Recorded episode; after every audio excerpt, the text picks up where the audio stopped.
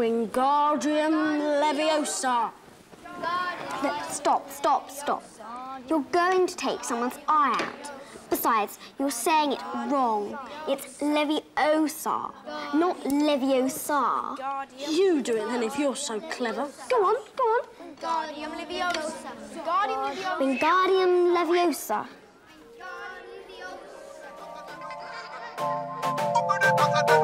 Leviosa.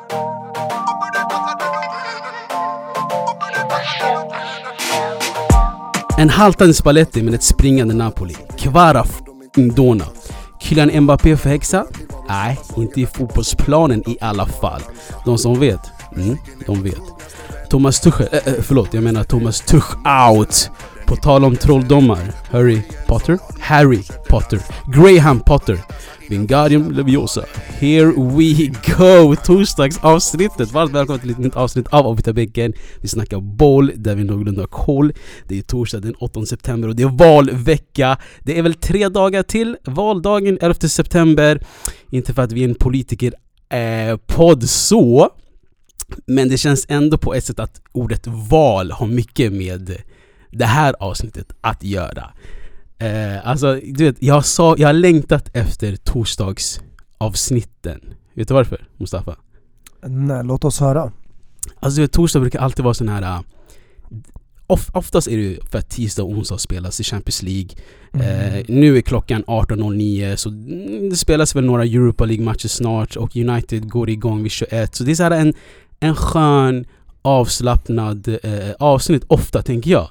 Men gång på gång, alltså du vet avsnitt efter avsnitt så blir du vet, ämnena ännu mer, mer dramatisk. Mm. Och alltså nu har det nått sitt peak väl?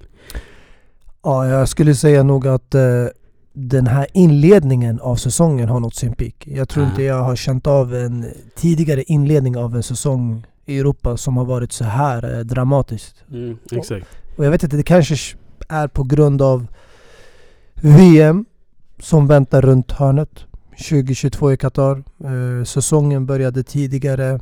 Det känns som att eh, spelarna och tränarna har haft en mycket kortare semester än vad man har i vanliga fall. Mm, mm, mm. Ja. Absolut, men jag vet inte riktigt vad du försöker komma med den här kopplingen till att... Eh, Det innebär att eh, spelarna, tränarna, alla som jobbar inom fotbollsvärlden, de eh, har inte, jag tror, roat sig som de brukar göra. Eh, och det är mycket som har hänt. Allt du från menar corona. folk är ivriga, folk är upphetsade, det blir de här konstiga handskakningarna mellan Conte och Tuchel och det blir så här, bara, alla är bara... eh, de har inte haft en, en skön semester menar du? Folk kommer inte tillbaka till jobbet avslappnade.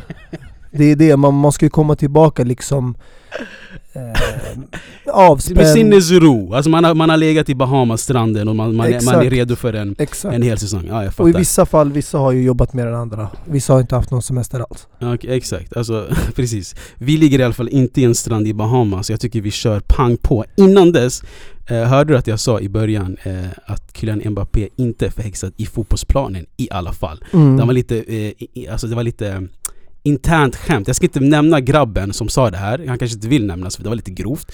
Men har du sett bilderna som eh, med Mbappé, hans nya flickvän? Nu, nu la jag lite air quote, ta det som ni vill. Men han har en ny flickvän, eh, ryktas om. Eh, Isa, någonting hon heter hon. Det är en google-sökning ifrån, eh, jag kommer inte ihåg efternamnet. Men Isa heter hon. Och, eh, och hon är, jag tror den första transmodellen. Mhm. Eh, och eh, mycket tyder på att Mbappé och hon är tillsammans. så det var, alltså du vet hela den här grejen när Pogba la, eh, du vet, för, ah, han ville förhäxa Mbappé. Mm. Så sa den här grabben, ja han, han sa till häxdoktorn typ att han förhäxade fel bollar. Eller fel boll, förstår du vad jag menar? Så obviously, det hela det där trans... Ja, vet, jag förstår ja, kopplingen ja, där. Jag ja. Lite grovt, I don't know, men jag ville bara säga det. Det kommer inte från mig, det kommer från den här grabben. Om du vill ha en shoutout, eh, DMa mig så kan jag säga vem du var. Eh, skitsamma, eh, jag tycker vi hoppar rakt in i det och jag tycker vi börjar med en videosnutt där Tuchel pratar. What's your day-to-day relationship with Todd Burley, for example? How does that work? Very communicative. Re- more with- so than it was with- before. With, with Todd and uh, with uh, Bedat because it's necessary because we have Mm. never worked together. Uh, they have never owned a, f- a football club. Um, we Do you feel like you're teaching them? uh, I try to. I'm not, I'm not I try to, but don't tell them. I, Obviously I not. try to. I try to. Um, we don't have uh, Peter Cech on a daily basis in the building, Mm. who was alongside me and, and managing a lot of uh, daily processes in, in, in the way we were like both thinking and uh, in the way Chelsea wanted to have things. So we need to readjust. I think it's a it's a pretty normal thing that um, lines of communications are new, Mm. level of uh, responsibilities are new. So this needs a bit of time.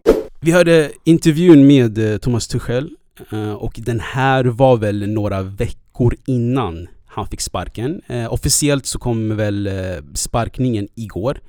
Eh, och det verkar vara som en... Alltså i luften för, i många tränare, att snart kommer de här stortränarna lämna sin tron. Och Thomas Tuchel var eh, ute först. Eh, alltså så här. It's chaos. Alltså ingen förstår vad som händer. Det är error 404 i allas huvuden. Om vi bara Mm. plockar upp lite siffror. Tuchel har varit tränare för Chelsea i 100 dagar. Alltså 100 matchdagar då. Mm. Och har kommit till final fyra gånger med Chelsea.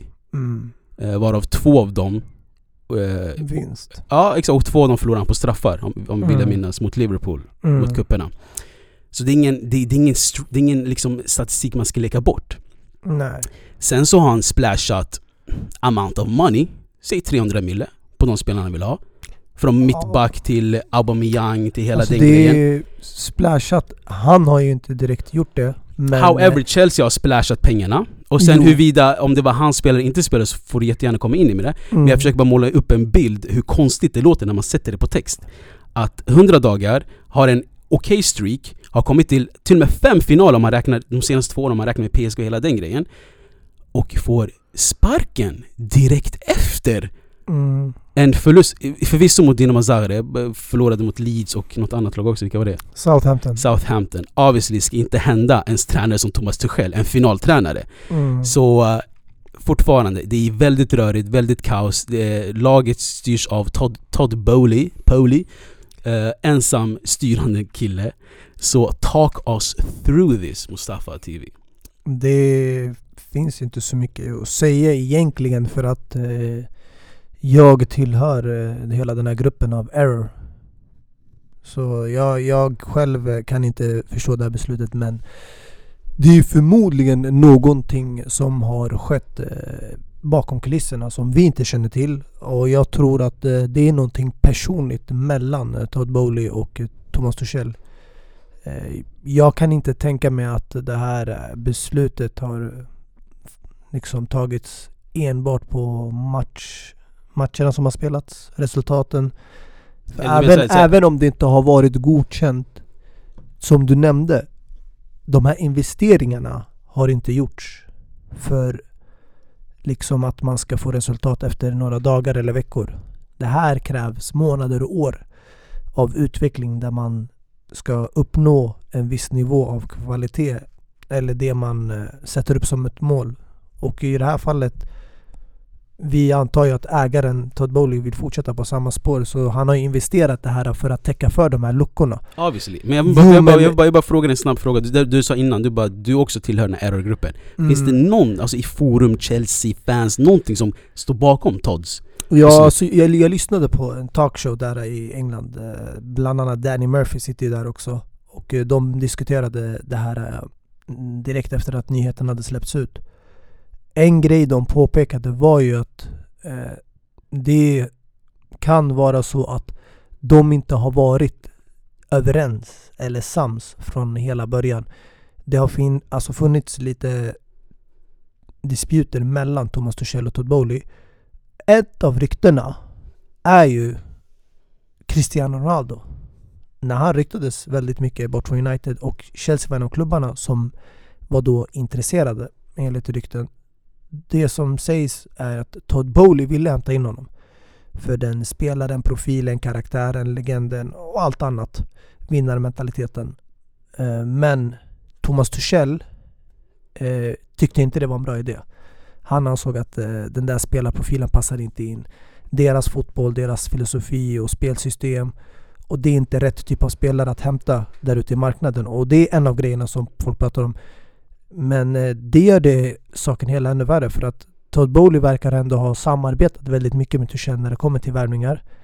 Eh, han avvek från den värvningen. Han avvek till och med från eh, Kondé-värvningen som man var först väldigt intresserad av. Men intresset var inte lika stort längre när Marina Granovskaja och Petr Cech lämnade.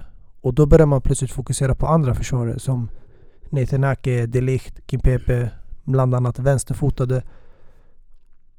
Men summa summarum är ju att de här värvningarna som har gjorts den som jag klart och tydligt känner ändå, det här värvningen gjordes för Thomas Tuchel, det är Aubameyang. Mm. Koulibaly, det kunde ha varit vilken tränare som helst som har fått den spelaren från den här ägaren. Att man vill bara rent av ersätta Rudiger så fort som möjligt. Så det är stor skillnad också på att när man spenderar pengar jag vet att du tänker tränare ska alltid leva upp till de förväntningarna. Alltså inte bara det, alltså det jag tänker mest också det är... Vill du fortsätta? Ja, jag tänkte bara det finns en skillnad när du bygger vidare på ett projekt, på ett imperie som har funnits där ett bra tag. Och det är en stor skillnad då mellan att man har ett imperie som plötsligt plockas isär. I Chelseas fall av anledningen som Abrahamovic eh, ja, gick igenom. Hela restriktionerna och eh, transferban och allt det där. Och det gjorde att du har inget val. Det här är ingen frivillig renovering. Alltså så här, Ten alltså, Hag till exempel. ja. Jag ska bara ge dig ett jämförelse. Tränaren som kom in till United den här säsongen. Han säljer de spelarna han vill bli av med. Och han köper in de spelarna. Men Han säljer de spelarna han vill bli av med och Ja. köper in dem. han vill ha, Mm. önskar, om han känner för det. Tuchel hade inte egentligen velat göra de här bytena han har gjort. Om Abramovic idag hade varit vår ägare och vi inte hade hamnat i den här röran med Ryssland, Ukraina, Putin och allt det där. Om Chelsea hade varit utanför allt det där och eh, skulle slippa restriktionerna och kunna fortsätta äh, alltså klubben som vanligt, som alla andra. Rudiger, Andreas Christensen och Timo Werner hade med största sannolikhet varit kvar i klubben idag. De hade stannat, de andra hade förlängt kontrakten förnyat. Och eh, jag tror den enda som hade garanterat lämna är Marcos Alonso och möjligtvis Lukaku. Som inte var jätteglad och lycklig. Alltså nu- grejen är, he, alltså allt det där började väl med alltså, när man alltså, blev av med Tammy Abraham, det var då, det, det är anfallsfrågan fall isär, förstår du? Aubameyang och hela, eh, vad säger Jo eh, men Lukaku, Aubameyang. hela den här röran börjar ju från att allt det här äh, orsakade de här äh, splittringarna och problemen.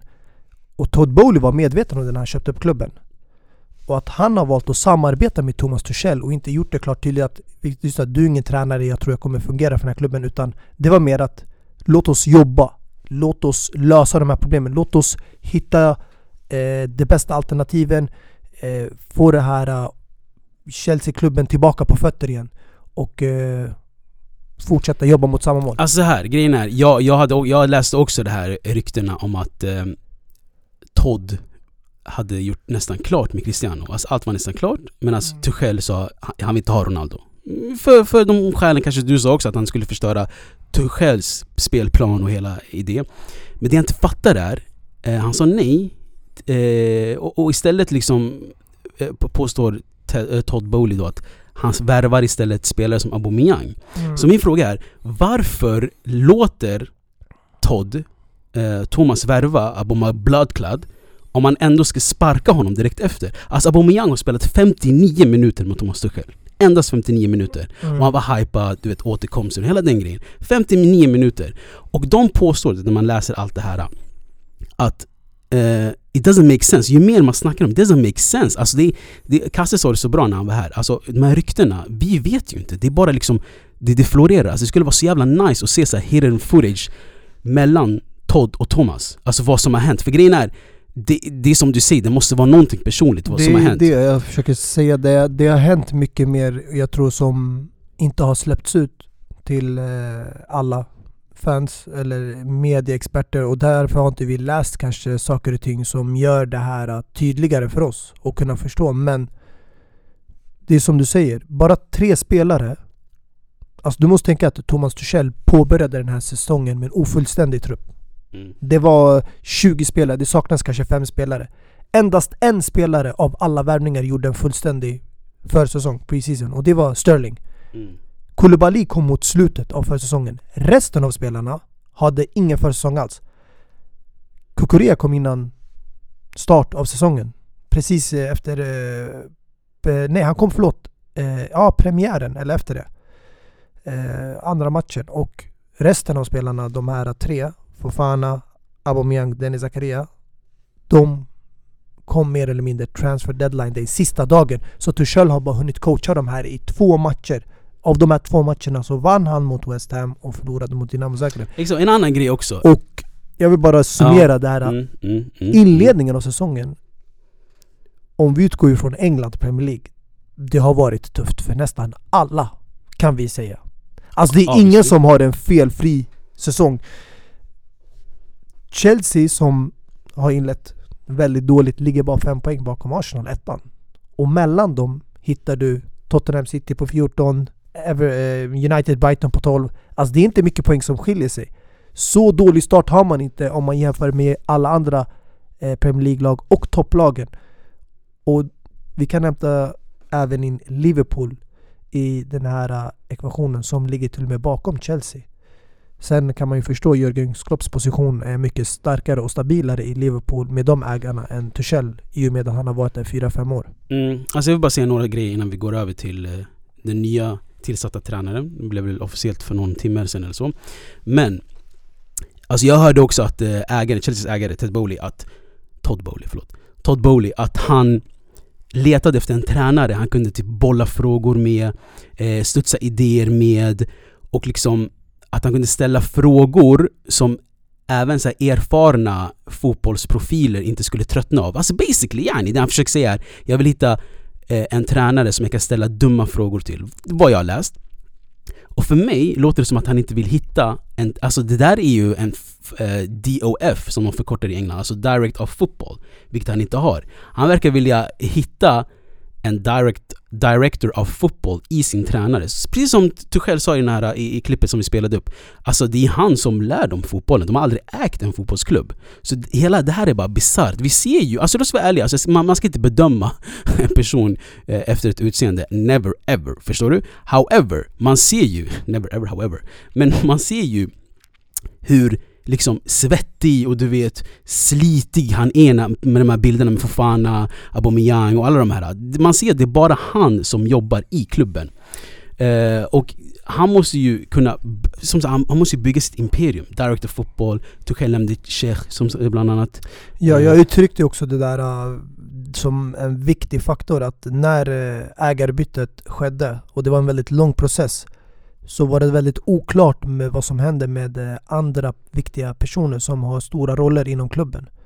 Och eh, först var tanken att de flesta skulle stanna kvar inte till sommaren utan till årsskiftet för att hjälpa liksom klubben och slutföra de här sista målen som man hade satt inför det här året 2022.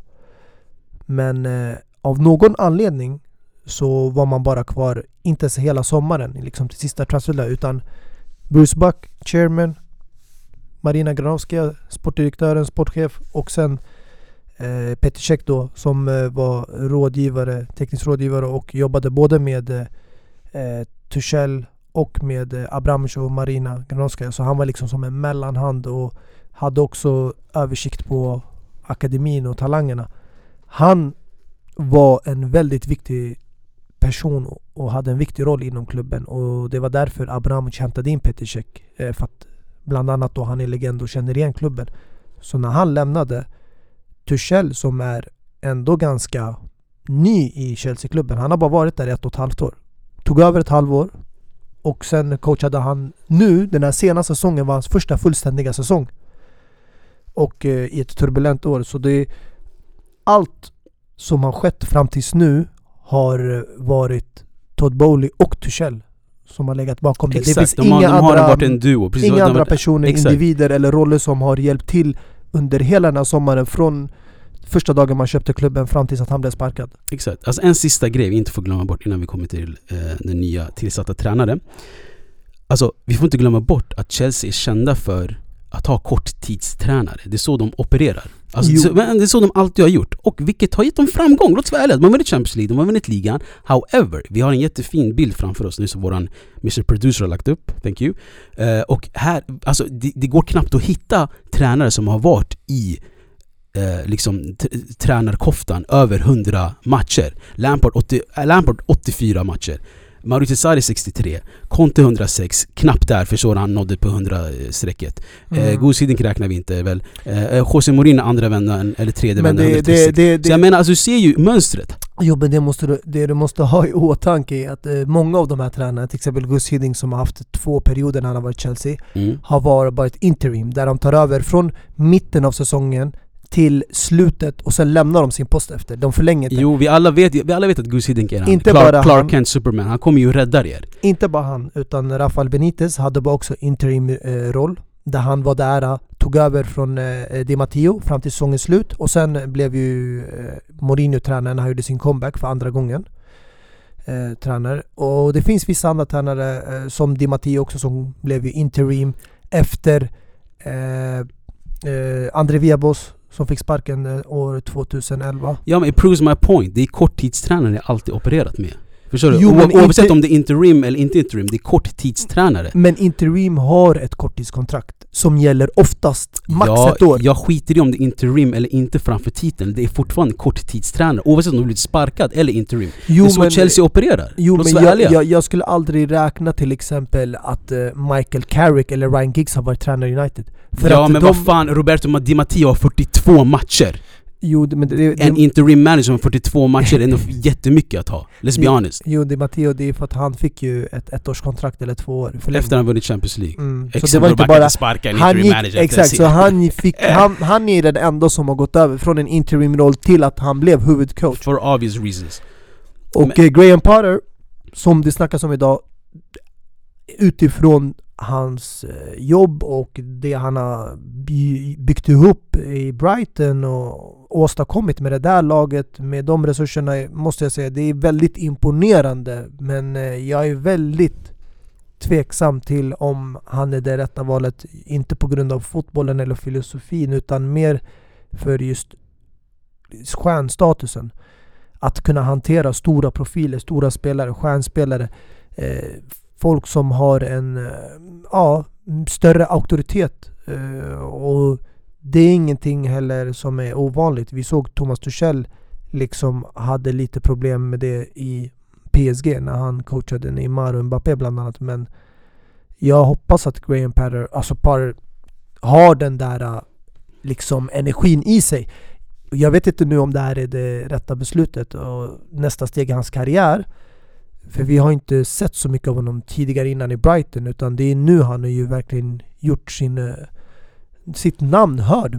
Jo, jo. eh, Snyggt att vi kom in nya tränare faktiskt. Eh, Jag ville komma dit. Tog en skön segway, såg dig? En skön, en skön Alltså, elsparkcykel. det- jag kan Men det jag vill säga är... Det, Eftersom det är ändå Mm. officiellt, jag vill bara inflika och säga att mitt val hade inte varit Graham Potter. nej, men vi kommer alldeles strax. Men jag tycker först och främst, ändå häftigt. Graham Potter. Han, han är en semisvensk tränare. Jag tycker i alla fall däremot som du nämnde historien av korttidstränare, vi borde kört på samma spår. Vi borde hämtat in en interim till säsongen är slut och tänka ut väldigt noga vem som ska leda den här klubben i Mm. framtiden. Ja, jag vet inte vad Gus Hiddink gör nu. Är han fortfarande vid Nej det är inte han jag tänker på. Ja. Jag tänker på våra nuvarande ungdomstränare, akademitränare och som var assisterande tränare i tre år i Aston Villa. Han borde ha tagit över laget. Ja. Ja, JT 26. Exakt. The Club Legend. Eller nu är det KK 26.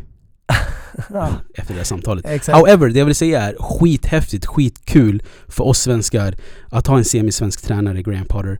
Eh, in, I inledningen, jag sa, jag sa inte Harry Potter två gånger om folk, eller du som lyssnar trodde det. Jag sa Harry Potter och sen Harry Potter, alltså skynda Potter. Harry Potter, Harry Potter. Förstår du vad jag menar? Men Hurry det, up! Exakt, Harry Potter. Men grejen är, det är det... Jag, jag sa det för att de var väldigt ivriga att hämta eh, Graham. Hur som helst, jag tycker det är skithärligt, skithäftigt att, att, att, att, att han tar över Chelsea. Vad fan är det? På fyra år han från Östersund till ja, ja, sex år kanske det är. Mm. Ja, sex år i alla fall. Från Östersund till Chelsea. Eh, tog dem från division 2 till Europa. Vi känner till hela den här historien. Eh, vann i Emirates Stadium med 2-1. Eh, Mm. Haft spelare som Ken Sema, eh, Nouri, Saman Ghoddos, eh, Ali Keita i målet. Så det här är, en, alltså, det är, det är jättefint. Men det jag är rädd för, om jag var Chelsea-fan, Alltså det kommer bli ett fikaämne i varenda svensks du vet, samtalsämne. Det kommer Graham Potter, fan vad kul du vet. Att alla ska ge sig in. Chelsea kommer bli ett huvudämne i varenda du vet, eh, small talk-ämne. Det där kommer vara skitjobbigt för dig. Jag har redan varit där. Det, var när Zlatan kom till United till exempel. Mm. OGS var i, i, i United. Alltså jag hoppas att inte det blir eh, enbart på grund av hans kopplingar till eh, Östersund och att han var tränare där. Jag för hoppas oss blir det ju så. Vi Jo, kommer bara höra det här jo, i Sverige. Jo, jag förstår ju det men i slutändan, han härstammar ändå inte från Sverige. Han Hans inte. bakgrund är ju liksom brittisk och jag tycker mm, med all respekt att han har coachat ett, alltså en klubb i Sverige division 2 och tog upp dem till Allsvenskan men nu, eh, det vi pratar om, eh, det, det är inte fikasnack längre. Det här är middagssnack. ja, nej alltså, alltså, du kan inte, alltså han har ju tagit med sig Alltså, sin svenska kolla, kolla, kolla. tränare också. Du måste förstå, frukost tog han med Mhm. Sen hade han det här fikasnacket i Sverige. Sen gick han på lunch i England med Brighton. Nu är det sista tre rätters, förstår du? Det är aptitretaren där och efterrätten och mellanåt varmrätt. Men- Det är mycket han kommer behöva alltså, hantera och liksom jag tror att han står inför en mycket större utmaning. Det här handlar inte om att ta över en toppklubb. Det här, du tar över en klubb som just nu har en ny ägare som även vi Chelsea-fansen inom klubben är lite förvirrade över hur han tänker och tycker och vad han har för perspektiv. Och som du hörde från bara intervjun, de här har inte koll på fotboll. De har aldrig ägt en fotbollsklubb tidigare. Ja, det här är folk som har Och- spelat fotboll manager som tycker kul. Hämta Ronaldo, det är en stjärna till oss. Bara Exakt. Och inte bara det. Graham Potter blir också nu coach i en klubb som fortfarande inte har en eh, chairman, en VD, en sportdirektör, sportchef, en rådgivare.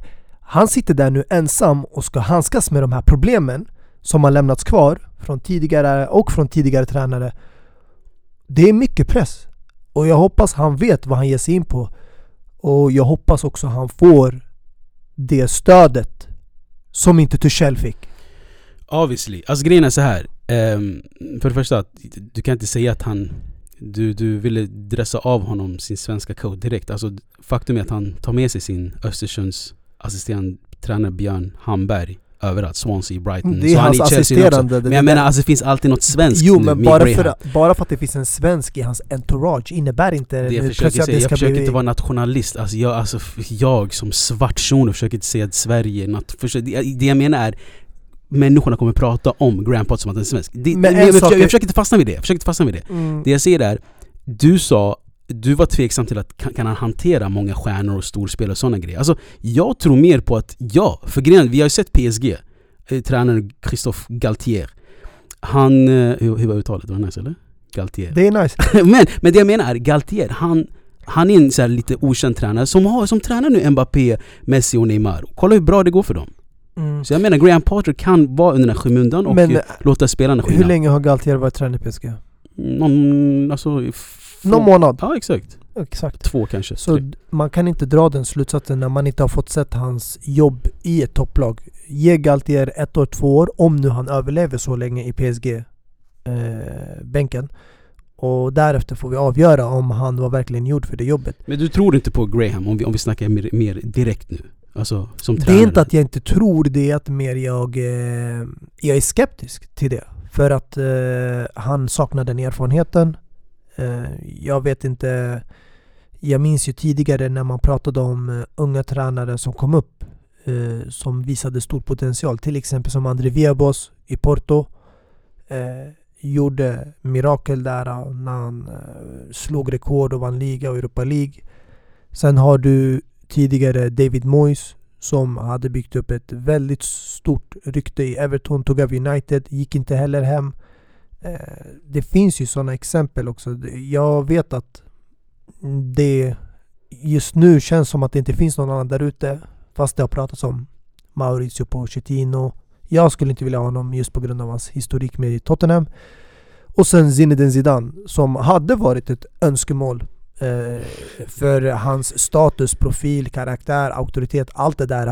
Eh, det, man vet att det är liksom en person, när han kommer in i omklädningsrummet så kommer folk bli tysta. Folk kommer lyssna. Det är en sån liksom Jo, eh, om- människa, om- person om man vill ha egentligen som... Om de, om de har en relation till Zidane, det är mer såhär en alltså franska spelare som ser upp till Zidane eller någonting det måste inte vara franska, alltså Nej, bara vet, du är en fotbollsälskare, du vet vem Zidane är. Nu låter det som att jag, bror jag älskar Zidane, det är en av mina favoritspelare. Alltså, what so, jag, jag, försöker, jag försöker inte komma in i det, jag menar bara att Zidane skulle aldrig komma till Chelsea och hela den grejen, det är omöjligt. Men inte för att fastna vid, vid den grejen. Eh, jag vill bara läsa upp det jag skrev i vår grupp igår, alltså de logiska eh, valen i nummerordning. Igår 11.55, innan ens Potter var officiell. Eh, nummer ett, Pochettino. Två, Graham Potter. Tre, Zidane. Fyra, eh, Bielsa. Fem, San Pauli. Alltså Jorge San Pauli, han som har tränat, ni vet.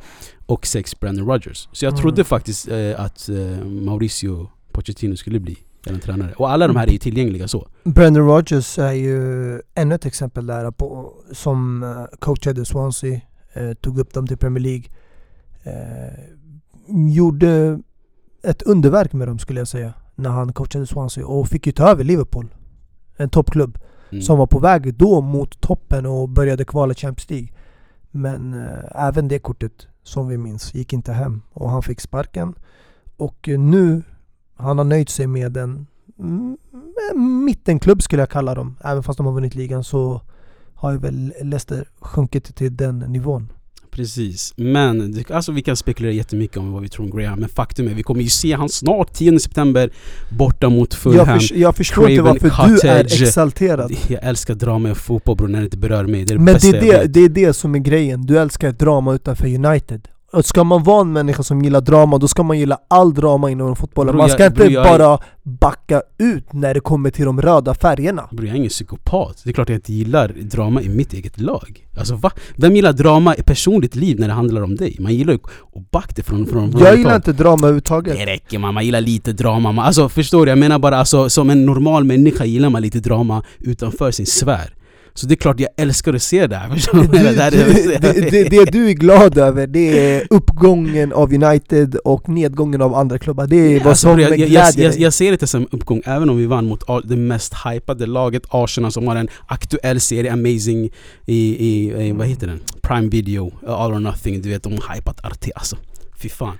Så jag, jag skiter i de här snorungarna, vi skulle ändå sätta dem på plats. Förstår du vad jag menar? De har kapten som Ödegård, vilket, jag, jag gillar honom. Men det här är snorungar. Alltså Mm. jag inte, bro, det här är ingen uppgång. Det är fortfarande gått 5, 6, 7 matcher, jag vet inte hur många har gått. Ge mig 15, ge mig 20, då vi snackar. Skitsamma. Eh, faktum är att vi kommer se Graham Potter alldeles strax, 10, 10 september, borta mot Craven Cottage. Eh, Alexander Mitrovic och hela det gänget. Mm. Eh, och eh, sen möter de, sen har de eh, eh, Champions League mot Salzburg. Och sen Liverpool hemma. Så det är, och sen Crystal Palace borta. Så det är, det är väldigt hetsigt för Graham, så det kommer bli skitkul att se honom eh, i övermorgon blir det. Mm. Men jag tänkte bara på det här också när man nämnde kulturen i Chelsea. Vi trodde ju aldrig att det skulle vara så längre efter att Abramovich sålde klubben. Vi minns ju att när man nämnde förut eh, det här med eh, korttidsperiod, eh, de håller bara två, tre år. Vad var anledningen alltid bakom det? Mm. Det var ju alltid Abrahamovic som man talade om. Det var alltid han man pekade fingret mot. Att okay, han är anledningen till varför tränare inte får tro- förtroende. Varför tränare blir sparkade för tidigt. Eh, varför får de inte tillräckligt mycket med eh, tid? Varför finns det inget tålamod? Nu är inte Abrahamovic där längre. Nu är inte han ägare. Och jag har hört så mycket goda ord, lovord om just amerikanska ägare. Ja, kolla på Liverpools ägare, kolla på Uniteds ägare. Det är sådana klubbar, eller eh, Arsenal, där kan man träna, coacha ett lag, få tid och bygga upp eh, liksom sin eh, filosofi, få igång liksom spelarna, eh, hitta allt det där liksom som man söker i ett lag, i spelare. Du kan inte jämföra, som, som jag säger, med, med äpplen med päron. Du kan inte jämföra ett, ett, korttidsboende med, med, med en bostadsrätt. Ja men du Du verkar... kan inte. Exakt, och det är just det vi trodde att det här boet var nu uppköpt av en ny ägare så att det skulle kanske vara andra spelregler. Men jag tror fortfarande Todd Bowley är inte som Abramovic. Jag tror att han är en tränare, eller ägare som kommer ge tränare förtroende och tålamod. Men jag tror i det här fallet, som jag nämnde i början av hela diskussionen, det var någonting som har hänt bakom kulisserna som vi inte känner till. Som kanske har med spelare och värvningarna göra eller befintliga spelare i trupp i laget. Och det skapade en spricka i deras relation och Todd Bowleys stubin sjönk från väldigt mycket genom att ha samarbetat och jobbat ihop med Tuchel hela sommaren till att bli väldigt kort och han väntade bara på det här lilla snäppet att ett misstag och jag ska sparka dig. Han kanske inte hade kunnat göra det om man hade mött ett topplag eller om det hade varit oavgjort. Mm. Men nu när det blev förlust och då blev mot ett lag som eh, inte är rankat högt i Europa och Champions League, då blev det så här, "Ja, men vet du vad? Det här är min chans. Och jag tror att Graham Potter är inte en liksom en eh, förvånande grej som kommer upp bara nyheterna utan det här jag tror är någonting Todd Bowley har planerat ifall att det skulle leda till det här att, vet du vad? Det har gått för långt. Vi kan inte reparera relationen. Låt oss gå skilda vägar. Och då har han reserverat en backup. Och jag tror Todd Bowley redan innan han sparkade Tuchel haft ögonen på Graham Potter och sett honom som den optimala ersättaren. Eh, en stor framtidstränare, väldigt ung och har redan erfarenhet i England och Premier League. Mm, ja, alltså det är som exakt bara slut, slutord som Carragher sa. Det här kommer bara förstärka rivalerna och eh, Abramovic, alltså kvarlevor eller man ska säga, rester lever kvar i klubben fortfarande. Så vi får se hur det går för Chelsea. Eh, enough of the, the blues. Eh, alltså det skulle vara nice ändå att spela in det här avsnittet måndag så vi kan, hade gått igenom grupperna så. Men skitsamma, det här blir också bra. Vi kan, alltså så här. Vi behöver inte liksom gå igenom match efter match. Jag tycker bara att vi, vi kollar på tisdag, vi kollar på onsdag. Om vi har något skönt att säga säger vi det. Alltså, det är ett skönt torsdagsavsnitt. You, you, like it, förstår du? Men tisdagsmatchen i alla fall. Dinamo, din, Dinamo Zagreb-Chelsea 1-0 till Dinamo. Salzburg-Milan spelade 1-1. Eh, där Milan hade massa chanser, mm, massa ramträffar och så Rafael Leao eh, och så vidare. Men Benazer och Kalulu, den, de, de, de eh, eh vad heter det? Fallgrop, jag vet inte. De, det var bara konstigt. Alltså de spelar man mest hypar. Skitsamma. Eh, Celtic, Real Madrid 0-3 där Benzema klev av i halvtid. Ersatt av, eh, nej inte vid. Vid första halvlek. Ersatt av Hazard där han gjorde mål till slut. Eh, Leipzig, Shakhtar Donetsk 1-4. Borussia Dortmund 3-0 mot Köpenhamn. Sevilla City 0-4 där Haaland sällan gör ett mål i match. Eh, där, och sen gjorde ett Phil Foden också ett skitfint mål. Benfica och Maccabi Haifa 2-0 där Grimaldo ändå gjorde, alltså, jag tror omgångens finaste mål. Och sen då stormatchen eh, i tisdag som var liksom, jag tror på allas stora skärm. PSG Juventus 2-1. Det här var tisdagsmatcherna. Inga så här värsta wow. Man kan ju bara kort nämna att PSG Juventus blev en... Jag tror det skulle bli mer, du vet, åt PSGs fördel med fler siffror. Mm, ja, med tanke på Juventus form och de har ju fortfarande en hel del skador så förväntade jag mig också större siffror. En eh, kanske mer dominant match av PSG. Mm, ja, alltså de, de rivstartade ju direkt. Efter tre minuter gjorde väl Mbappé mål eller sånt där. Mm. Eh, och sen gjorde han... Eh, alltså wow, den här passningen från Neymar då. Mm. Förstår du? Det är min business. Och som alla påstår, eller alla säger, vilket är faktum. Alltså om de inte vinner Champions League, eller kommer till finalen, men om de inte vinner Champions League det här året. Eh, allt annat är fiasko. Men vet du vad jag tänkte på också? Att det här med eh, just eh, disputen de hade mellan varandra. Mm. Jag tror sånt där förstärker relationen. För att grejen är, man kan inte bara vara sams och ha roligt ihop tillsammans. Den närmsta relationerna, de man känner bäst, de som är närmast dig, till exempel dina syskon eller om du i framtiden gifter dig och har en fru.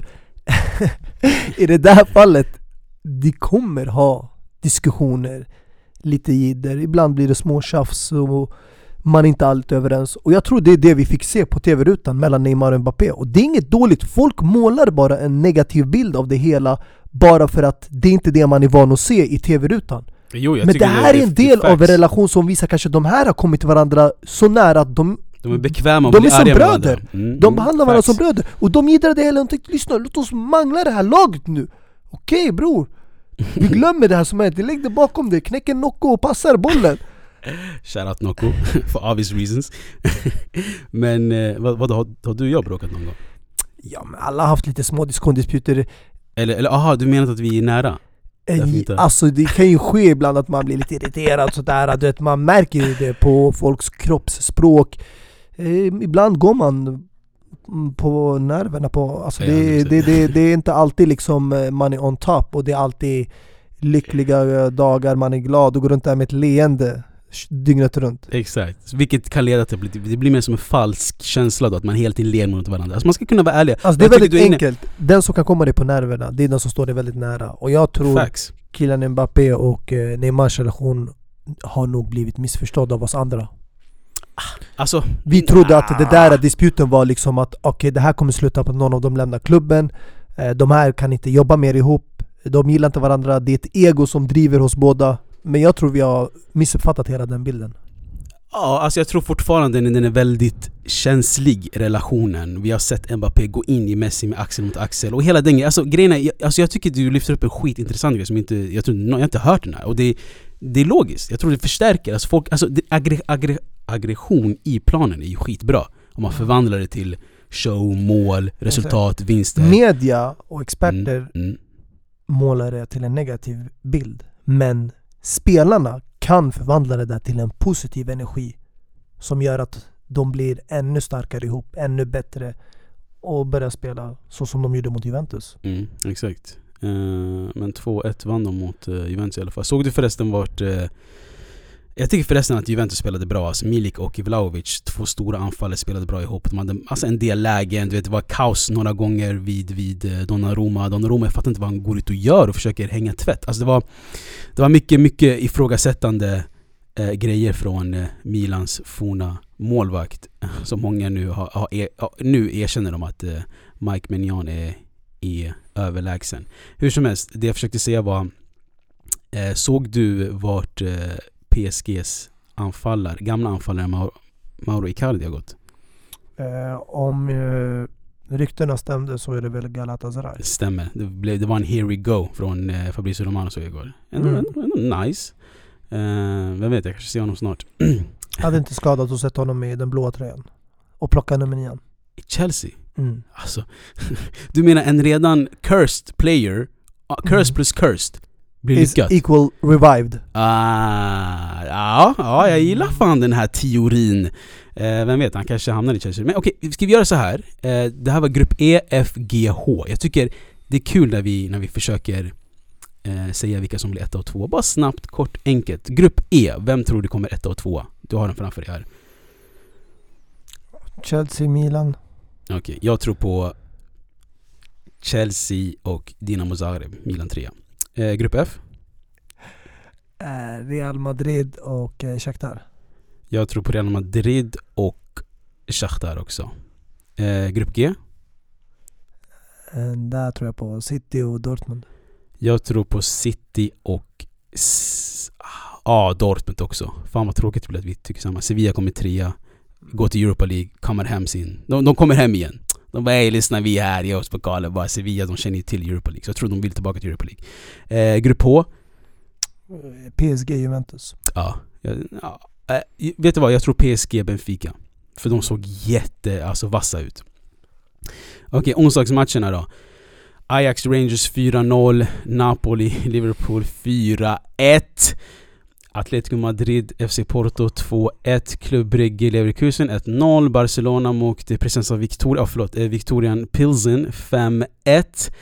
Inter Bayern München 0-2. Alltså jag tycker ändå onsdagsmatcherna var mer umf i det, förstår du? Det var lite såhär... Uh. Alltså onsdagsmatcherna borde resulterat i mer sparkade tränare än tisdagsmatcherna Känner jag Det borde ha blivit en sparkningsvecka, eller? Ja, alltså om det, om det, om, om vi säger så här.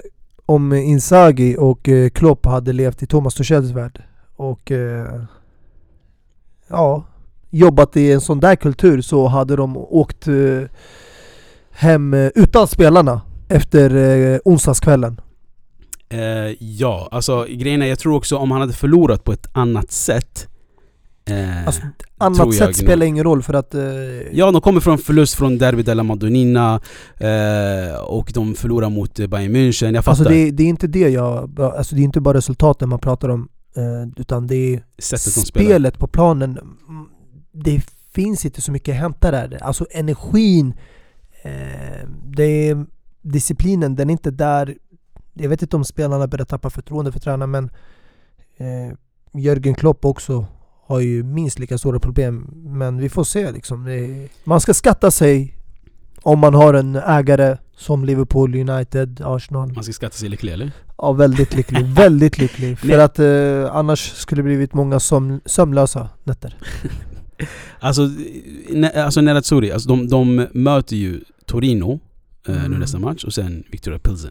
Alltså om de förlorar mot Torino han, alltså, alltså grejen är i FM, Football Manager, alla som spelar Football Manager shoutout Man kan ju kolla tränare hur säkert de sitter Vissa är så osäker, vissa är så här, eh, stabil, eh, säker, mycket säker Alltså om vi hade gått in på Football Manager nu så hade eh, Inzaghi stått mycket osäker Ja, det du måste ha i åtanke också det är att de här italienska klubbarna är väldigt försiktiga också när det kommer till att sparka tränare just på grund av deras ekonomiska situation. mm. Om han har förlängt kontraktet och har ett två, tre års kvar alltså kontrakt. De vill ju helst, om de skulle nu sparka, att slippa betala ut den lönen. I Tuchels fall, du vet att han hade ju bara ett kontrakt som höll på att gå ut nästa år. Mm. Och det hade redan diskuterats nu efter eh, massa värvningar innan säsongen eh, satte igång att han skulle få ett nytt kontrakt. Man pratade om kontraktförlängning. Mm. Det var redan diskussioner som hade börjat. Men innan man hann signa ett kontrakt så fick han sparken. Sen vet jag inte om han blir betalt för det här sista året. Mycket möjligt men jag tror eh, klubbar i Italien helst undviker sånt. Jag tror det är större sannolikhet att vi ser någon i England få sparken. Mm. Klipp klopp, eller?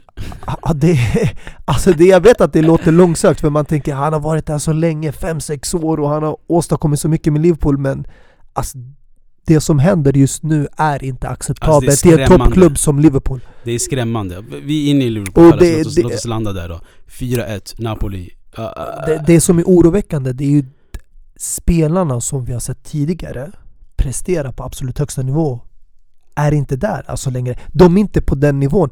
Spelarna underpresterar i många matcher. De har haft tur att de till och med spelade oavgjort mot lag som Fulham mot Mitrovic när de kunde åkt på förlust. Det kunde lika gärna slutat med noll poäng men de räddade ett poäng mot Newcastle när de räddade tre poäng i sista matchminuterna. Där hade de också väldigt mycket tur. exakt, fram det och var nära tillbaka. Isaks debut och Fabio Carvalho. Men eh, Ehm. det som...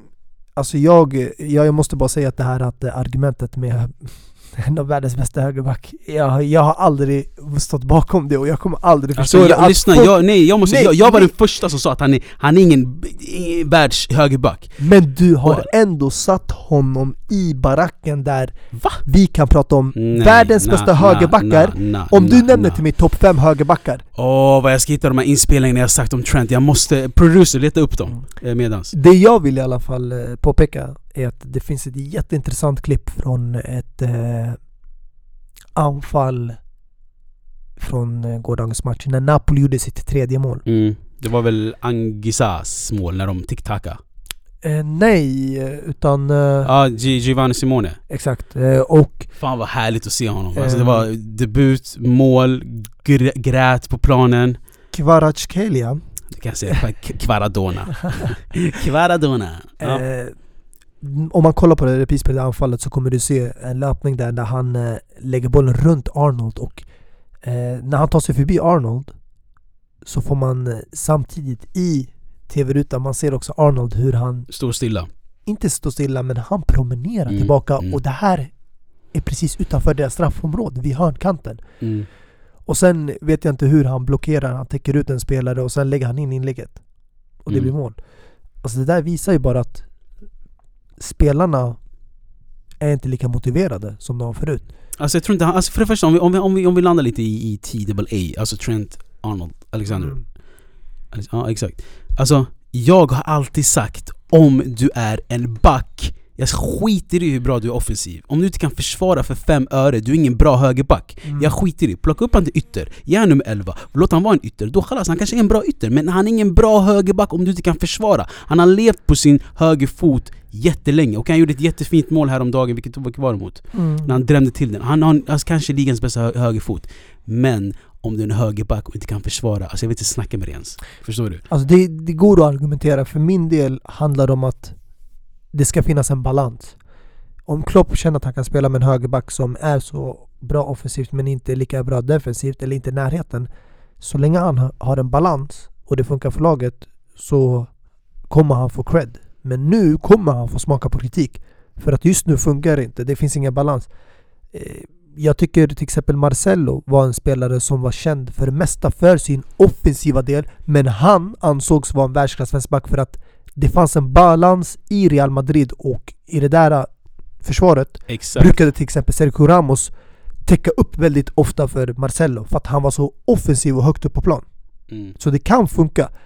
Marcelo var aldrig känd för hans defensiva kvaliteter. Du måste inte vara Men även, kunna även, försvara. men även hans högerbackskollega, vem hade nu? Arbeloa, Carvajal var det. Carvajal och Mm. hela den här eran, alltså, de var inte lika mycket offensiva som han. Men du kan ju se Robertson och Trent var längre upp än Salah och Mané i Mm. den tiden ibland. Förstår du? Man bara ey lyssna, alltså, är, vi, är, vi, är vi ytterbackare eller är vi yttermittfältare? Förstår du vad jag menar? Så det, det, det går inte, det är som du säger, man måste ha den här balansen, vilket de har tappat. Men det är inte bara Trent bror. Joe Gomez var ju förfärlig igår. Mm. Alltså det är helt sjukt hur mycket Alltså, tabbar han gjorde. Jag, jag vill bara dela med, det här är min teori. Men jag tror vissa spelare som lämnar klubben kan ha en mycket, mycket större påverkan än vad folk anar.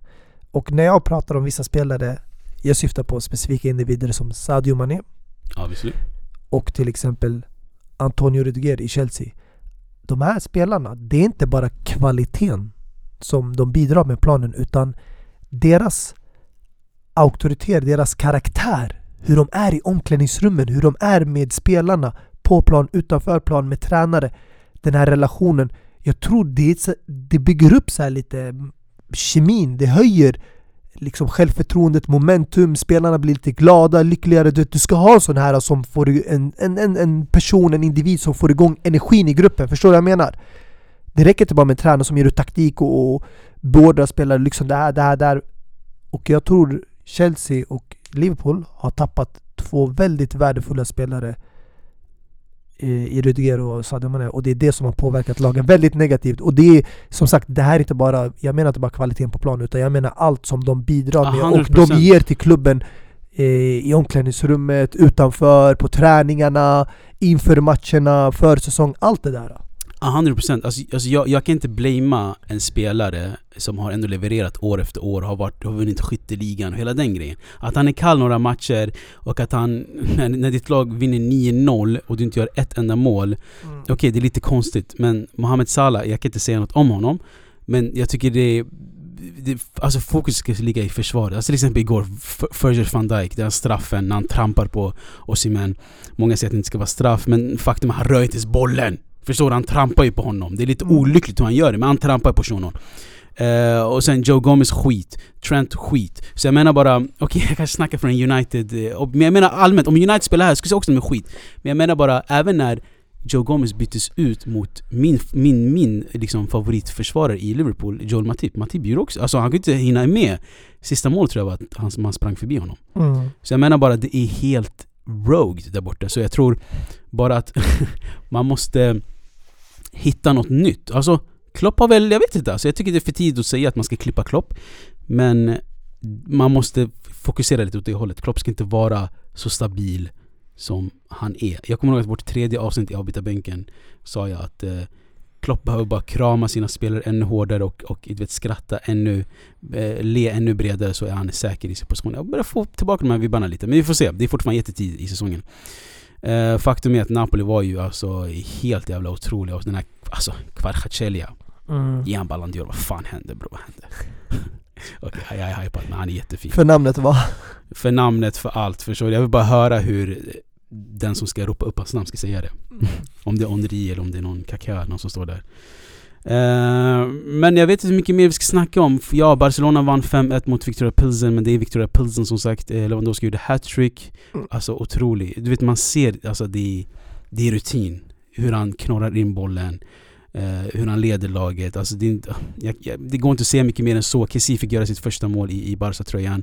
Eh, Ferran Torres kom med i, i, i liksom eh, mål... Vad heter det? Protokollet. Målskörden, exakt, målprotokollet. Så det, det går som tåget lite, men det är fortfarande Victoria Pilsen som sagt. Ja, alltså jag, jag, jag tycker de har gjort eh, det riktigt bra hittills. Uh, I ligan uh, väl uh, mer eller mindre felfritt förutom första matchen där de tappade poäng. Och inledningen av Champions League ser jätteljust ut men likt Arsenal skulle jag säga att jag känner inte att eh, Barcelona har blivit testade Bror, ordentligt. de, de demoliserade, om det heter demoliserade, Sevilla. Jo, i- och i- just i det där fallet också. Jag rankar tyvärr inte alltså Sevilla lika högt som jag gjorde förra säsongen. Sevilla är spanska motsvarigheten till Tottenham, låt oss vara ärliga. I eh, den gamla standarden. Nej men och- Sevilla är ett bra lag bror, du kan inte bara klanka ner dem sådär. Det är, det är ett Europa League, alltså ett europeiskt Exakt. storlag. Som du nämnde där, det är ett Europa League-lag som har vunnit Europa League flera gånger. Champions League har de aldrig gjort det så stort, men just att de har tappat bland annat två av deras centrala mittbackar, Diego Carlos och Condé. eh, De har hämtat in en ersättare men de har inte förstärkt laget. Laget har ju försvagats. Så såg jag inte dem som riktiga stora motståndare till Barcelona. Eh, Sevilla är liknande sits som Valencia känner jag var tidigare. Och eh, jag tror att eh, vi kommer få se en mycket större utmaning framöver när de får möta på lag som Atletico, Real och i Champions League-gruppspel Bayern München, Inter. Det, Mm. där är jag mycket mer intresserad och det Jag nämnde också Arsenal som var på tåget också. Vi såg ju vad som hände med dem när de väl fick möta ett riktigt bra motstånd. Vad heter motståndet? Ja, det, det är jävla, djävulen tyvärr. Säg, säg bara vad de heter, jag fattar inte vad du ska hålla på och... Mm, the Devils, djävulen, vad ska jag säga liksom? Men, Manchester United, vilket, vilket lag det fantastiska laget heter. mm, Ehm, men eh, i alla fall, det ser jättelovande ut med alla värvningar och sånt. Eh, Jag tycker de har fått till det riktigt bra på nästan alla positioner som det- de har värvat i. Men det är som du säger också, de har spelschemat eh, på sin sida. Eh, Cadiz har de, sen Bayern München eh, som kommer vara testet i liksom, Europa. Men i ligan fortsätter ju, eh, kommer det rulla Mm. på. De har Elche, de har Mallorca, sen efter Inter har de Vigo och sen blir det El Clasico 16 oktober. Så Men fram till 16 oktober har de, har de chans att plocka de här tre poäng, tre poäng, tre poäng. Vet du hur alltså, nice det där är? Och bara du vet, gå ifrån sina, sina För att motståndare. kunna bygga också upp momentum och Exakt. höja Du hittar liksom, ditt lag, Xavi får hitta sin, sin elva, han får, Mm. du vet, alltså det här blir som en förlängd preseason. Exakt. Inte för att klanka ner Vigo och, eh, och Mallorca och Elche och grabbarna men det här blir en förlängd eh, preseason för Barca eh, till 16 oktober i ligan i alla fall. Sen möter man Bayern München I. England, det är det som är problemet. Vi har ju aldrig lugn och ro. Och det är aldrig någon enkel start. Oavsett om du möter bottenlagen eller topplagen. Nej exakt. Det är så här, ja, du möter inte Liverpool United första matchen. Ja, men du kanske möter eh, André Silvas Fulham med Mitrovic eh, på bortaplan. Du kanske får möta Grahams eh, Brighton. Eller Southampton med Che Adams där uppe. Ah, Eller, eller Alexander Isak. exakt. Alltså du får ingen ro, eller Bruno Grimash i mittfält. Alltså du får ingen ro! Vilket lag du än nämner kan ärra oss. Alltså det är så jävla jobbigt. Oliver Watkins, Aston Villa. Alltså det fanns en tid där, du vet, kanske det Ferguson-tiden, 10 år sedan, 15 år sedan när Mourinho och de här Ancelotti var tränare. Man kände att typ kanske 10 lagen i Premier League, man kände alltid när man gick och mötte dem, garanterat tre poäng. Jag kommer ihåg när alltså Suarez hattrick mot Norwich Mm. Du vet när ni höll på 9-0 Fulham eller vad fan det var. Alltså folk promenerade back in days. Wolverhampton. Alltså, det var så kul. Ja. 9-1 Tottenham, du vet eh, Defoe gjorde typ Alltså, 4-5 mål. Det sjuka är att Den tiden inte är över min ens- broder. Det sjuka är att inte ens nu när vi pratar om City tänkte jag nämna där uh, Haaland som eh, stod för två mål igen för City eh, fortsätter på samma spår och bara river ner försvar efter försvar. Den här anfallaren, alltså även de, City, har svårigheter som du märker borta mot Newcastle, Aston Villa. Även det här fantastiska, otroliga bra laget som har den mest kompletta truppen i hela ligan har, har det jobbigt och finner svårigheter i att möta de här mitten och bottenlagen på bortaplan. Och folk förväntar sig att vi andra lagen som liksom kämpar och sliter för en topp 4-plats ska komma och vinna ligan. Ja. Och de här struggle med Erling Haaland. Det är, det är Mm. inte lätt alltså. Ge oss en Haaland och vi ska se vad som händer. Det är alltså jag, jag fan det... Alltså nej, i vanlig ordning måste vi snacka om Erin lite, lite lätt. För han gör ju, som du säger, han river ju ner allt framför honom. Och faktum är, jag har en, en, alltså, en statistik framför mig. Goals scored after 20 Champions League games. Okej? Okay? Cristiano Ronaldo, 0. Lionel Messi, 8. Erling Braut Haaland, 24. Efter 20 Champions League-matcher. Ja, jag har ju That's sagt det. insane alltså. That's insane. Min eh, prediction på hans säsong är att hans målskörd kommer vara mer än hans antal matcher. Både i ligan och Champions League. Det är min prediction Att han kommer ha fler I mål än spelade matcher sa du? i City-tröjan, ja. I alla competitions? I alla competitions. Så du menar man, vad spelar man per år? Typ så här 50-60 matcher? Ja. Han kommer ha 70 mål typ. Alltså han kommer sluta med minst 50 mål. Om Man, han tror, tror, tror han kan slå 91-siffran? Från Messi? Jag hade väl 91 eh, ett helt kalenderår? Den är väldigt svår i Nej, framtid. lugn, i, lugn, i, lugn, alltså lugn. vi, nej, nej, nej, nej. Allting beror ju på vad man får för motstånd, inte bara i ligan men också i Champions League Europa. Men jag 100%. tror att det är möjligt längre fram.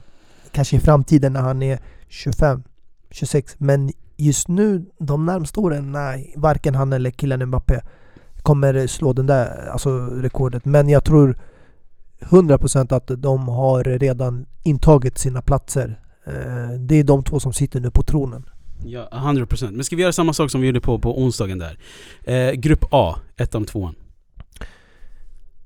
Jag kommer ändå lägga in eh, Liverpool och Napoli. I den ordningen. Mm. Jag säger... Eller nej, jag kommer säga Napoli-Liverpool. Men det är de två klubbarna jag tror går vidare. Jag tror inte Ajax tar sig vidare eh, trots deras inledning. Okej, jag säger alltså objektivt, alltså kalla mig eh, Liverpool-hatare, men jag säger Napoli-Ajax. Mm. Liverpool till Europa League.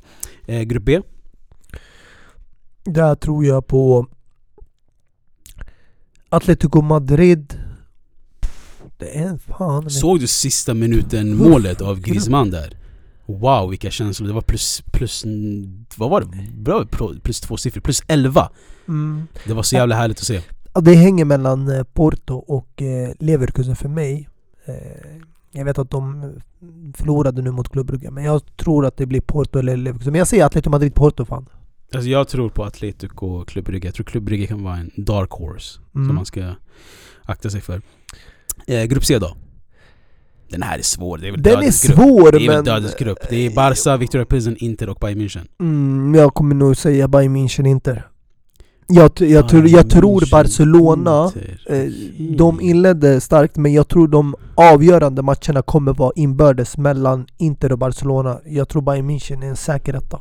Alltså jag tror, jag tror inte de är en säker etta. De, tapp, de, är, de ligger inte etta i, i sin, sin Farmer-liga i Tyskland. Ja men Bayern München har ju väl- bara roligt, de har precis kommit igång. Alltså, du, jag, jag förstår att du känner De, de, en... de, de ger folk försprång va? Här, Ja, spring lite och... så även- Även mot Inter, även mot Inter, Inter eh, vilade också några nyckelspelare för sig. Eh, bland annat eh, De Vrij och Barella och några stycken. Men Bayern, Bayern München satte Gnabry på bänken. Eh, Opamecano på bänken. Facts, Goretzka på bänken. Facts. Och and the new big star Jamal Musiala was on Oj, the bench. Lugn, with the big star. Men han har ju varit en startspelare den här säsongen. Ja, ja, men det jag menar är, jag, du sa vad sa du? Du sa Bayern München och eh, Inter. Mm. Jag säger, vet du vad? Jag, jag tror Barca vinner mot Bayern München nästa match. Jag skulle säga Barca etta, Bayern München tvåa. Mm. Sug på den. Eh, grupp D. Där eh, får det lov att bli då eh, Tottenham och jag tror att eh, Nämnde jag de här matcherna ens? Jag tror inte det. Jag tror stoppade vi inte Bayern München. jag vill jättegärna säga Marseille men eh, det är inte det gamla Marseille, det franska laget som vi kände igen förut. För mig det är det blir Sporting eller Por, ja, Frankfurt. Men ja, jag säger Tottenham och Frankfurt. Ja, grupp D. Eh, Frankfurt, Sporting, Tottenham, Marseille. Såg du förresten eh, Richarlison? Målet, kramade Mm. familjen. Alltså det är så härligt att se. Även, jag, alltså jag gillar inte du vet Richarlison så. Han är en sån här... Uh, tror att han är bättre än alla andra på plan i alla fall. Som person kanske han är Arrogant. Han har en arrogant spelstil. Men som Mm. person kanske han är jättehärlig. Jag skulle säkert viba med honom 100%. Eh, men jag skulle säga Spurs och Frankfurt. Ja, det var det alltså. Jag tror även, för Frankfurt, även fast de förlorade Jag vet att de är ett bra lag. Jag såg dem spela i Europa League som de tog hem. Fick även se dem i Uefa Supercupen där de mötte Real Madrid. Men eh, det känns som att många lag och många favoriter i sina grupper har eh, inlett med en förlust i Champions League-säsongen. Alltså. Mm, mm. Eh, Det, det, det, det är sånt som man känner eller tycker att Todd Bowley borde ha tagit hänsyn till att det är inte bara Tuchel utan det finns ju Klipp Klopp och det finns en eh, eh, Inzaghi också där, Simone eh, och det finns en... Det, det, alltså så, så här, du har inte sociala medier längre men det är en del som har, som har, som har gett dig inte, inte klart, alltså jag älskar när folk du vet hatar på det jag säger För det, är- då, man, jag vill inte ha folk som håller med mig hela tiden Men du har ju några som inte håller med dig kring Arteta, att du har varit så hårda mot Arsenal Och att du vet, sist vi spelade in här eh, för typ två år sedan tror jag sa du att Arteta, när jag sa liksom att det går bra för dem, Gabriel Jesus och hela den Mm. grejen Så var du direkt där på med sågen. Nej, alltså Arteta, om han typ förlorar ska han få sparken. Och du, du, var, du var snabb med att ge Arteta sparken. Så det är kul att se att folk inte håller med dig. Men det är för att när jag uttrycker mig, Mm. jag talar utifrån ett perspektiv där jag härstammar från en kultur i Chelsea. Den kulturen är vi vana vid att det är väldigt strikt. Och jag minns att jag har haft kritik mot inte bara Arteta men även Ole Gunnar Solskär och det där var ett sammanhang efter att Lampard hade fått sparken och vi pratade om tidigare spelare, tränare, assisterande legender som hade fått ta över klubbar. Och alla de tre hade fått göra det i respektive klubbar även om inte Arteta kanske var lika stor i Arsenal som Solskär och Lampard. Men Men vet du vad? Arteta har fått jättemycket tid och det ska Arsenal-fansen som jag sa tidigare skatta sig väldigt lyckliga över. Men vet du vad? Ha, behåll din kultur och tro för dig själv. Nu, nu lät jag faktiskt fett såhär SD och Nej men alltså Chelsea-kulturen, den känner vi igen alltså. Men just nu, helt, Men- jag, jag känner att jag har en identitetskris med Todd Bowley som ägare. Mm. Jag vet inte vilken kultur vi kör på, är det Abrahamovic eller Glazers? ja, det... ah, jag dör. Eller är det Stan Kroenke? det, det, det jag säger är, alltså hämta din, din kultur till, till andra lag och befläcka dem. Förstår du vad jag menar? Alltså Arsenal, deras projekt, låt den gå, låt den rulla. As we speak, som sagt klockan är torsdag 19.41, det spelas Europa League-matcher. As we speak möter Arsenal FC Zürich. De leder 1-0, eller 0-1 för det är bortaplan. Eh, mål av Marquinhos. Mm. Den du! Yes, ja, men ser lovande ut. Ja. Kanske blir en, eh, en första europeiska titel någonsin för dem. Om inte United lyckas snatcha den under näsan. Ja, ja, nej men det, det är ett intressant lag de ställer upp med. Väldigt såhär eh, luftigt. Enketia, Marquinhos, jag visste inte- första gången han spela då. Men det är, det är skitkul. Det är väl... Martin, alltså det, det, det är nice, det är nice. Vi, vi kanske får se den här matchen så fort vi avslutar här. Mm. Men eh, annars så spelas väl inte värsta bra matcher så just nu. Eh, Jag Malmö- tycker vi ska avrunda lite med uh, värvningarna som eh, slutfördes. Absolutely, om du vill göra som min broder. Vad- är det, är det, tänker du på specifika värvningar som har gjorts deadline day som du vill nämna? Ja, du nämnde ju han, men eh, det känns inte värt att nämna det med tanke på att eh, kopplingen han har till tränaren som fick sparken. Ah. men eh, Obama who eller? Abama what? Obama bloodclad gäng! nej men... eh, Men vad tror du om honom då? Alltså lite kort snabbt då. mm, Fick det- 59 minuter med Tuchel som sagt. Ja, eh, han har väldigt mycket press på sig efter att han eh, valde att ta nummer nio. Jag trodde han skulle ta eh, ett annat nummer eh, som han hade eh, i Arsenal och... 14. eh, ja, fast han bytte där också. Men han hade ett nummer också i tidigare, jag tror han bytte i, Barcelona. Mm. Han hade två nummer där och- det var tidigare nummer som han hade också i Dortmund. Alltså, minns- minns du när, på tal om nummer, minns du när Özil taggade? Han lämnade kvar sig i tian. mm. Nej nej. Ja, Özil, eller var Jack Wilshere? Eller när Özil taggade så Lacazette och Aubameyang var Ey lyssna, vem av oss ska ta tian? Det var den Mm. här ah, ah, ah. Till slut fick den här eh, ESR, Emil Smith Rowe den. Helt sjukt. Men ja. Yes. Nej men jag, jag tycker att det kommer bli intressant att se om han eh, klarar att bryta den här förbannelsen på nian. För den Mm. har varit tuff Mm. sedan eh, Jimmy Floyd Hasselbank. Alltså de tidigare anfallen man haft som har varit succé har bärt nummer 11, nummer 19. Mm. Det har inte Mm. varit så här... ah, alltså nummer 11 är ändå ganska stort men 19 det är så här. Exakt. En, en, en, en viss Champions League-avgörande hade ju Mm. nummer 11. Och när han kom tillbaka så var en viss brasse tvungen att ge upp nummer 11. Mm. Oscar till Didier Drogba. Eh, exakt, men jag vet inte fan hur mycket nummer betyder så. Men alltså jag, vi la ju upp en lista på alla de här som har bärt nummer nio. Alltifrån Khalid Boularus till Fernando Torres till Mm. Kejman till... Alltså listan är ju lång! Crespo, Schürrle. Det är de jag kom, kom på nu i mitt huvud men det är, det är en, en, en, ett, ett förbannat nummer i Chelsea. Så det, det blir intressant att se hur Abama Bloodclad Yang kommer passa in i Chelsea.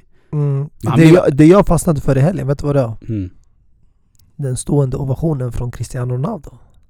Ja, eh, Den Anthony, fick mig att höja på ögonbrynen. När Anthony gjorde mål eller? Ja, leendet Alltså, och glädjen i ansiktet. Jag kände okej, det, det där är inte vanligt att se från Cristiano när han sitter på bänken. Alltså det, det är sällan man får se det om han blir utbytt eller börjar på bänken. Det där ser man oftast på planen. Men vet du vad jag tror? Jag tror han såg sig själv i debuten i United. Alltså du såg ju matchen obviously. Mm. Alltså hur showig Anthony var. Alltså Mm. det var så här, ej du är onödig, men det var så här, alltså, så, jag bara min bror det var bara kul, förstår du? Det var så här, alltså om ni för dig som lyssnar och det också Mustafa, alltså om ni kollar på Cristiano Ronaldo vs Bolton i United, alltså sina yngre dagar, det är exakt sådär. Du vet de här överdrivna översiktsfintarna, du vet de här uh, onaturliga kroppsfintarna, förstår? Lite, alltså ah. Alltså jag, jag ska inte ljuga, jag, jag blev en aning eh, avundsjuk där. Alltså. Men låt oss vara ärliga, om han inte hade gjort det här målet hade det varit en flopp eh, debut. För det- det var inte mycket rätt han gjorde Anthony. Ja, alltså det är inte flopp, men jag tror det viktigaste väl var att United tog tre poängarna. Jätteviktigt. Men jag, eh, jag börjar sakna det där som du nämnde där, man, man ser fram emot det här, li- ha roligt. Alltså jag, Exakt. det fick mig att tänka på mm, gamla minnen när man hade Eden Hazard. Alltså man saknar en sån där spelare där man visste, okej men vi vet att vi kommer få se liksom eh, en, vad säger man? Det är några barn i en dagis eh, Mm. sandlåda som kommer leka här och någon kommer ha roligt med dem.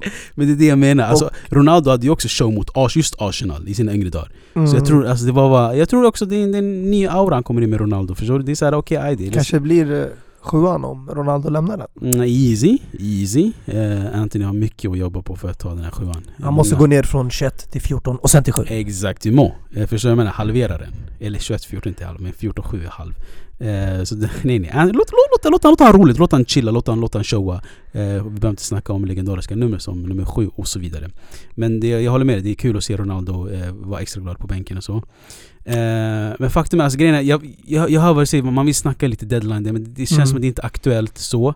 Vi har ändå spelat i 1.10 men alltså jag tror vi kommer komma, alltså när de här deadlines days värvningarna gör någonting på planen kommer vi säkert snacka om dem. Mm. Likt Richarlison eh, och så vidare. Jag vet inte om han var en deadline day Nej, nej, han kom in långt innan.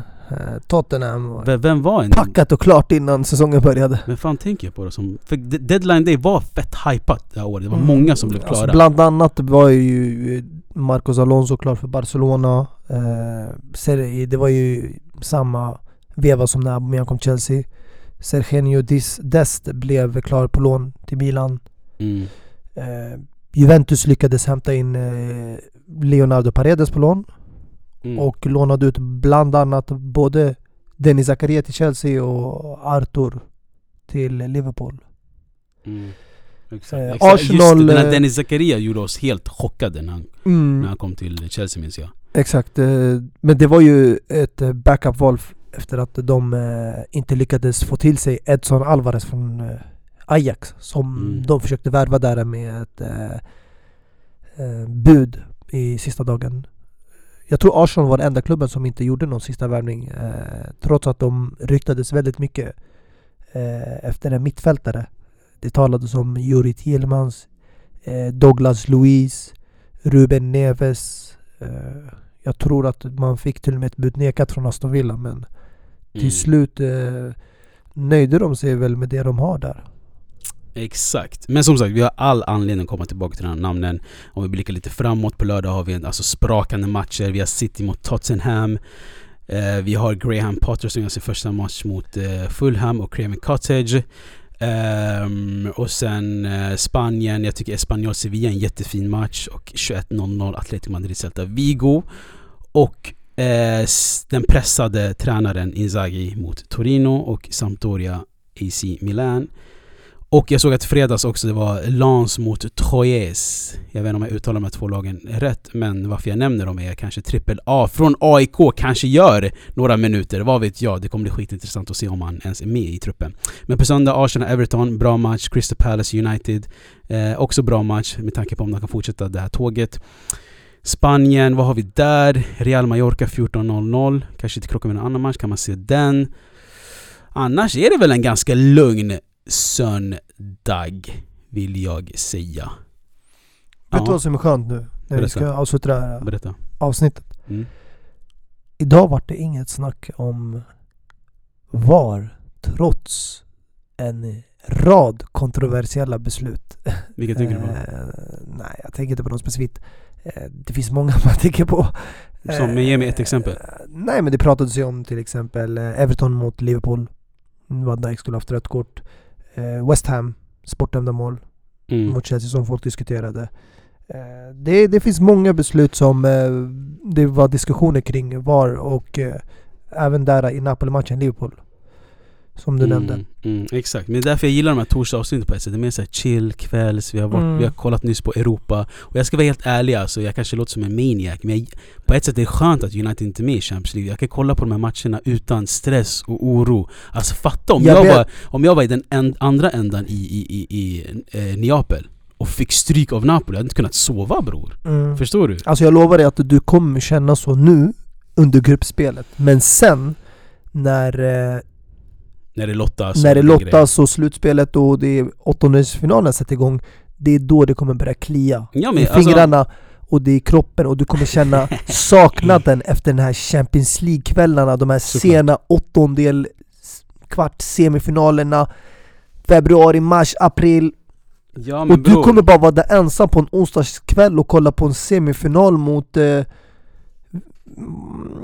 Ja, jag vet inte vilken klubb jag ska säga just nu. för Arsenal det- kanske. Men det, men det är lugnt. Grejen är att vi tar bara ett sabbatsår. Vi är tillbaka nästa år i Champions League. Vi tar det lugnt. Det är som att man saknar skolan efter ett år. Det är samma sak här. Mm. Eh, men faktum är att vi möter Real Sociedad om dryga någon timmen eller så. Två timmar kanske, 21.00. Eh, så eh, när ni hör det avsnittet vet ni säkert hur matchen slutade. Eh, men jag tror på vinst. det är självklart att det ska bli tre poäng. För lugn, lugn bror. Som jag sa till dig innan avsnittet, så är ett bra lag. Alltså just nu, jag kommer kalla det här laget för Anthony Ten Hag Company. Ey, lugn, lugn. Det här kommer, vi kommer rotera en del Nej tror jag. förlåt, Ten Hag and Anthony Company. and Anthony's Company. Ten Hag and Anthony's Company, yani Anthony och hans lag. Nej, nej, va? Nej! Om någon, det är Rashfords lag det här alltså. Mans born and bred, Marcus Rashford. Eh, med det sagt, eh, vi har matcher om en och en halv timme. Eh, Kan äntligen fokusera nu på fotbollen Rashford och lägg lite andra saker på hyllan. Mm. Politiken bland annat. Ja men har Martial flåsande sin nacke också, kanske vi tar en nian där. Ronaldo har haft snack med Harry Ten Hag, kanske också kommer som en nia. Så Rashford, det var skönt för honom att göra de här två målen. Och en ass till Anthony. Eh, med det sagt då, fint att vi avslutar med eh, världens finaste klubb. Eh, och vi hörs väl någon gång efter helgen. Det gör vi. Peace! Stop. You're going to take someone's eye out. Besides, you're saying it wrong. It's Leviosa, not Leviosa.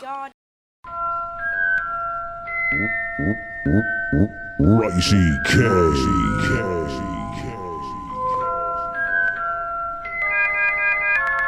Abracadabra on a nigga. Expecto Patronum on a nigga. What? If Mofi gon' run up on me, then I'ma put my one to the nigga. Ayy. Ron in the back, Hermaline on the sack. Y'all motherfuckers don't know how to act. They got shit on me. Say hell, Gryffindor and fuck Slytherin. Run on your ass with Sirius Black. Disappear for a minute, then be right back. Professor Snape wanna make a portion. You ashy as fuck, you better get some lotion. A spell on a nigga, then I dab on a nigga. Carve on the mort, then I fuck on a nigga. My wizard's lit, y'all don't even know. When I'm with your girl, I steal the show. Glass on my face, you're a disgrace. To the mentor try to suck up my face. But yeah, boy. All right, you guys. Now it's time for our wrap up. Let's give it everything we've got. Ready? Bit, bit, begin. You begin. Artificial amateurs aren't at all amazing. Analytically, I assault, animate things. Broken barriers bound in by the bomb beat. Buildings are broken, basically, I'm bombarding. Casually create catastrophes, casualties, canceling cats got their canopies collapsing. Detonate a dime a dank, daily do and do. Demonstrations, Don Dada on the down low. Eating other editors with each and every energetic, epileptic episode, elevated etiquette. Furious, fat, fabulous, fantastic. Flurries of funk felt feeding the fanatic. Politics. Gift got great, global goods gone glorious. Getting godly in his game with the glorious. Hit 'em high, hella height, historical. Hey, Holocaust hands, hear 'em holler at your homeboy. Imitators idolize, I intimidate. In an instant, I'll rise in an irate state. Juiced on my jams like Jerry Curls, ducking joints justly. It's just me writing my journals. Kindly am kindling all kinds of ink on. Karate Kid type Brits in my kingdom. Let me live a long life lyrically. Lessons is learn lame louses, just lose to my leverage. My mind makes marvelous moves, masses. Marvel and move, many mock what I've mastered. Nap no one I'm nice naturally. Knack never nap, make noise nationally. Operation opposition off, not optional. Out of sight, out of mind, wide beam and obstacles. Perfected poem. Powerful punchlines, pummeling petty powder puffs in my prime. Quite quake quotes, keep quiet, it's quantum. Quarrel isn't got a of what do we gotta. Really raw raps, rising up rapidly, riding the rushing radioactivity. Super scientific, sound search thought. Silencing, superfly saps out of soft. Tails ten time talented, too tough. Take that, challengers, get a tune up. Universal, unique, untouched, unadulterated, unadulterated, the raw uncut. Birth by sports, victorious, valid. Violate vines that a vein make him vanish. Well, my word, what a wise words mix. Just weeded up words, we've enough. I'm a worship. Xerox, max radiation, all accessory objects, height letters, six xylophone tones. Yellowback, yak mouth, young ones, yours. Yesterday's songs, all cells, all yawns. Zigzag zombies, zooming to the zenith. Zero and sense, over zealous from Zelon.